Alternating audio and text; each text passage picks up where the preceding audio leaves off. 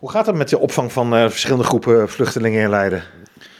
Uh, goed in die zin dat het uh, ja, een heel actueel en druk dossier is. Um, de opgaves zijn wel gewoon heel erg groot. Als je kijkt naar de opvang voor Oekraïners, de opvang van asielzoekers uh, en het huisvesten van staatshouders. En daar hebben we nu een brief van naar de Raad gestuurd over de stand van zaken, hoe het ervoor staat en waar we allemaal mee bezig zijn. Ja, een aantal van de locaties waar nu mensen worden opgevangen, die gaan natuurlijk ja, stoppen. Omdat daar, ja, die worden gesloopt of er gaat iets anders mee gebeuren. Ja, toen in uh, februari 2022 de oorlog in Oekraïne begon, toen moesten we op stel en sprong kwamen al heel snel Oekraïnse vluchtelingen deze kant op. En we wilden als stad ook gasvrij zijn en deze mensen opvangen. Toen hebben we, uh, ja, wij, vangen 600 Oekraïners op, of we hebben 600 plekken. Iets minder vangen we er nu daadwerkelijk op, 560 Oekraïners. En dat doen we inderdaad veelal in oude kantoorpanden. Die hebben we in rap tempo getransformeerd tot ja, opvanglocaties. Uh, alleen er zijn wel andere plannen vaak ook voor die uh, gebouwen. Vaak plannen met woningbouw. Um, daar ben ik ook verantwoordelijk voor. Dus ja, die willen we ook niet stopzetten. Die oorlog duurt langer. We kunnen ook die plannenmakerij en de bouw en de sloop van die gebouwen niet langer uitstellen. Dus dat betekent dat we constant op zoek zijn naar vervangende locaties voor deze Oekraïense vluchtelingen. Want de plekken die gaan stoppen, dat zijn het Stationsplein en de Schipholweg, geloof ik, hè? Nou, dat zijn uh, het oude belastingkantoor Stationsplein en de Schipholweg. Ja, daar hebben we concreet andere plannen voor. Het bestemmingsplan bijvoorbeeld voor het oude belastingkantoor is afgelopen maanden vastgesteld door de gemeenteraad. Ja, daar komen 550 woningen. En dat gebouw gaan we in de zomer van volgend jaar gaat dat gesloopt worden. Uh, voor de Schipholweg zijn er ook andere plannen. Dat gaat ook gesloopt worden volgend jaar. Ja, en dat betekent de mensen die daar nu worden opgevangen, dat we die elders zullen moeten gaan huisvesten. Daar zijn we constant mee bezig op zoek naar andere locaties. En dat hebben we nu aan de Raad laten weten. En dat we begin volgend jaar met uh, alternatieve locaties voor de Oekraïnse vluchtelingen komen. Ja, want er zitten er ook nog een heleboel in uh, dat woongebouw bij het Alrijnen ziekenhuis. Daar geldt hetzelfde voor. Dat wordt dan niet gesloopt, maar krijgt, ja, daar komen andere mensen in. Daar doen we wonen, werken en zorg. Dat is een pand van het Alrijnen ziekenhuis. Dat hebben we verbouwd voor de opvang in eerste instantie van Oekraïnse vluchtelingen.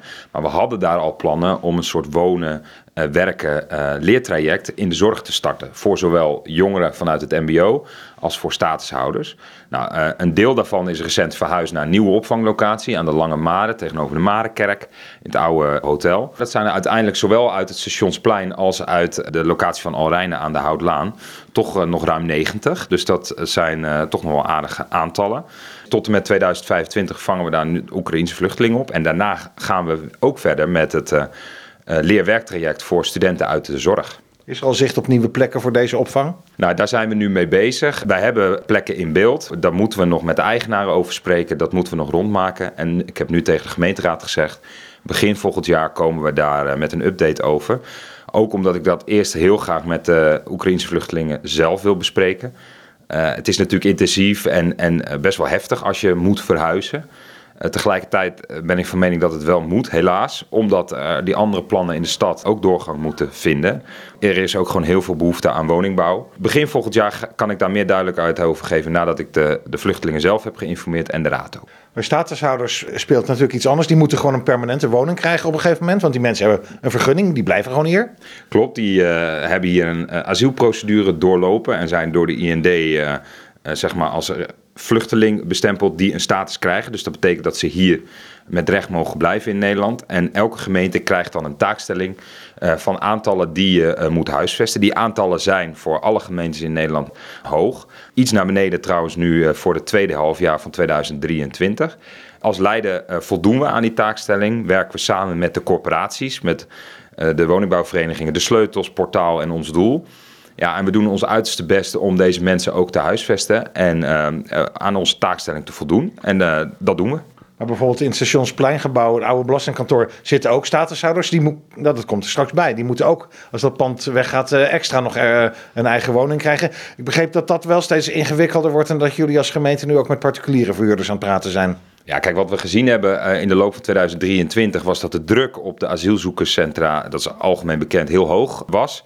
En met creatieve oplossingen hebben we geprobeerd uh, mensen die met een status vastzaten tussen aanhalingstekens in die asielzoekerscentra uh, elders tijdelijk te huisvesten. Nou, dat hebben we dus bijvoorbeeld in Leiden gedaan in het oude belastingskantoor mensen met een status. Alleen uh, die mensen hebben ook gewoon recht op een volwaardige woning. Dus ze moeten daar ook, ja, als we dat pand gaan slopen, moeten ze daar uitstromen uh, naar een reguliere woning. Uh, ja, je ziet dat de druk op de woning, dat is geen geheim, hartstikke hoog is. Dus uh, dat soort zaken ja, wordt steeds lastiger en ingewikkelder. Dat komt bovenop de bestaande taakstelling. Dus daar, uh, ja, daar wil ik dat soort. ja, als het niet nodig is, wil je dat niet, want het is een extra, extra opgave. Ehm, dus wij proberen met de drie corporaties, maar inderdaad ook met gesprekken met particuliere verhuurders, om deze mensen te kunnen huisvesten. Zijn die particuliere woningen niet veel te duur? Nee, want ook uh, particuliere uh, in nieuwbouwprojecten, in gebiedsontwikkelingen, moet het deel sociaal gerealiseerd worden. Dat betekent dat er woningen uh, verhuurd gaan worden onder de liberalisatiegrens. Dus dat is onder de 800 euro.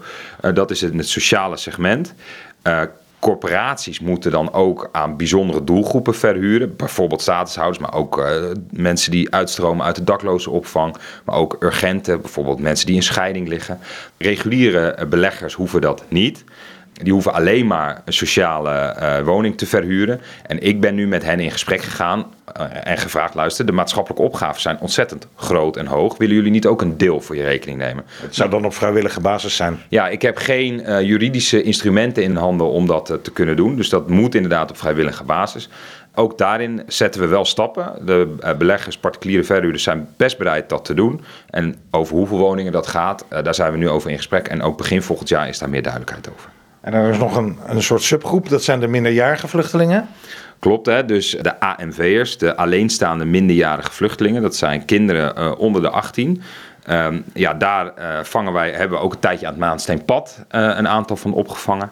En dat doen we nu in de reguliere opvang. En daarnaast draaien we een pilot met een pleegzorgorganisatie, jeugdformaat en de drie woningbouwverenigingen. Uh, die hebben alle drie een afzonderlijke woning ter beschikking gesteld. En met begeleiding van jeugdformaat van die pleegzorg worden die alleenstaande kinderen kunnen daar wonen. Dat zijn drie of vier per woning. en die worden begeleid, gaan naar school. Ehm, en, en op het moment dat ze 18 plus zijn of de volwassen leeftijd bereiken, kunnen ze uitstromen naar een reguliere woning. En dan tenslotte die laatste groep vluchtelingen, de asielzoekers die nog geen status hebben. Nou, daarvan heeft Leiden natuurlijk een tijdelijk asielzoekerscentrum ingericht. Uh, ja, in een oud uh, kantoorgebouw. Naast, ik zeg maar even Holiday Inn, want dat kent iedereen nog wel. Ja, dat kent iedereen. Tussen Holiday Inn en ZZ Leiden in. Daar aan de Haagse Schouw op de kruising met de Plesmanlaan. Daar hebben wij een asielzoekerscentrum voor vijf jaar met 350 plekken. ook een kantoorpand wat we om hebben gebouwd. Um, ja, daar vangen we nu asielzoekers op. Het is wel zo dat ja, de druk op de asielketen is gewoon heel groot.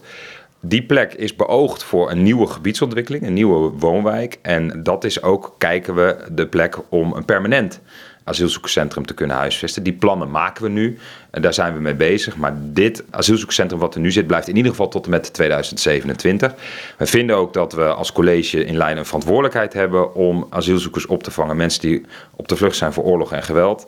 Dat hebben we in Leiden eigenlijk altijd gedaan en uh, dat willen we nu ook doen. En het is mooi dat we op deze plek een, uh, nou, voorlopig tijdelijk met oog op uh, permanente plek voor een asielzoekerscentrum hebben kunnen realiseren. Maar niet alleen permanent, ook twee keer zo groot, toch? Nee, dat is voorlopig nog niet het geval. Uh, dan... ik, ik, dacht, Leiden anticipeert op de spreidingswet die er nog niet is. En dan zouden het er 600 moeten worden. Ja, als de spreidingswet aangenomen zou worden, uh, moet Leiden nou zelfs nog iets meer dan 600 asielzoekers opvangen. Uh, dus daar houden we wel rekening mee. Of dat allemaal dan ook past op deze plek is dan nog maar de vraag. Dus daar moeten we kijken. En naast dat we asielzoekers permanent opvangen, hebben we ook nog noodopvang in de 3 oktober al. Uh, dat eindigt wel eind april volgend jaar. Maar over de definitieve invulling en hoe groot dat asielzoekerscentrum moet gaan worden, daarover zijn we nog in gesprek met het COA.